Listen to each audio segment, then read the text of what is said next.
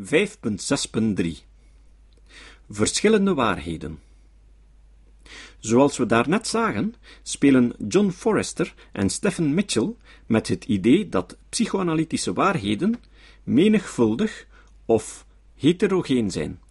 In zijn bijdrage aan het symposium in Yale schrijft Forrester The practices by which one establishes truth within a given institution of truth production is where one should look for thinking about truth, rather than the prior concepts. Volgens de postmoderne psychoanalyticus bestaan er dus verschillende waarheden, die vastgesteld worden door de instituties zelf die de waarheden produceren. Als de vork zo in de steel zit, dan wordt het voor een criticus natuurlijk ontoelaatbaar om de waarheidsaanspraken van andere instituties te betwisten en zo hun waarheidsconcepties aan te vallen. Paul Williams heeft het over de elitist truth criteria van zij die de psychoanalyse met wetenschappelijke argumenten tot de orde roepen.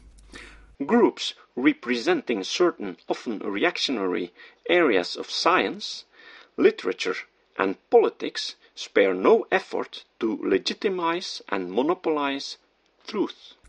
Ook de Lacanienne Ruth Leys heeft schimmige postmoderne redeneringen om vol te houden dat de psychoanalyse niet voor rationele kritiek vatbaar is.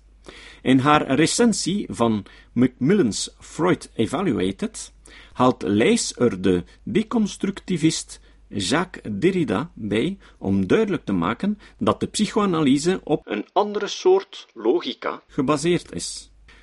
Macmillan shows no interest in those interpretations of Freud's text broadly associated with deconstruction which suggest that his aporia-laden writings not only enact impossibility of their being assimilated to traditional notions of science and philosophy, but exemplify instead another kind of logic, which Derrida has named difference.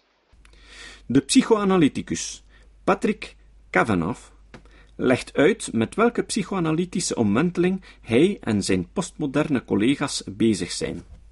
There has emerged, phoenix-like, a new psychoanalysis of extraordinary power, passion, and poetics.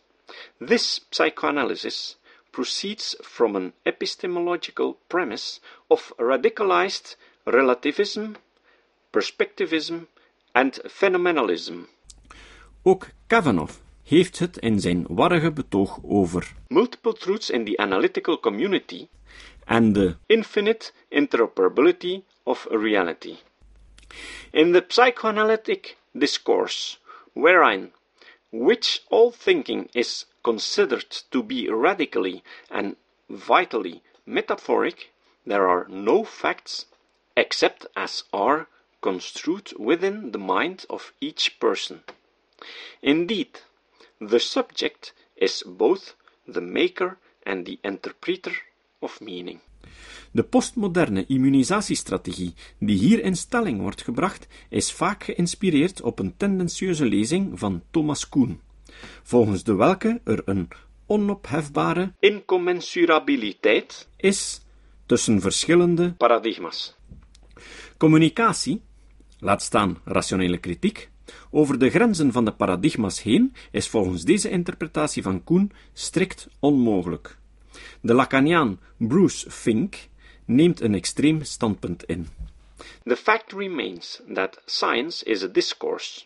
It implies a dethroning of science and the reassessment of science as one discourse among many. Freud may be interpreted as translating rationality into rationalization, and Lacan's discourse theory suggests that there are as many different claims to rationality as there are different discourses. Het laatste woord is voor Clarisse Fondacci, die in Libération schreef.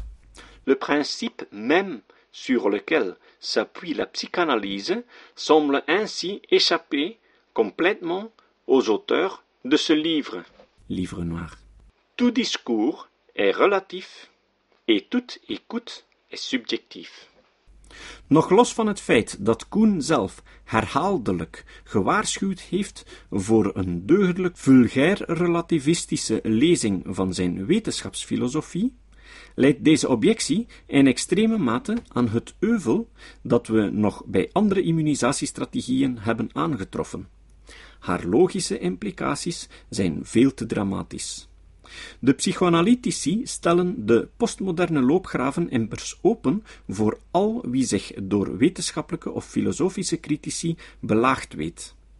Waarom zouden astrologen en handlezers niet zo goed een eigen discours kunnen opeisen, dat eveneens voor geen enkele kritiek uit een andere discours ontvankelijk is? Is de discoursobjectie niet de meest gemakkelijke vluchtweg om eender welk onzinnig idee in stand te houden en om eerder wat tot een bewijs uit te roepen, enkel omdat de criteria van het zelf in het leven geroepen paradigma het legitimeren? Bovendien is het vulgair relativisme hopeloos zelfondergravend.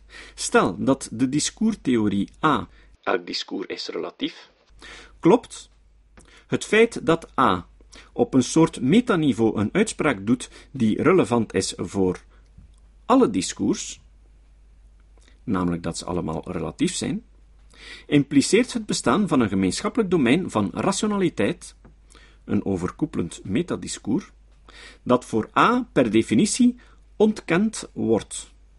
Stel bovendien dat we A formuleren als een stelling en haar negatie kunnen tegelijkertijd waar zijn, afhankelijk van het discours waarin men zich bevindt.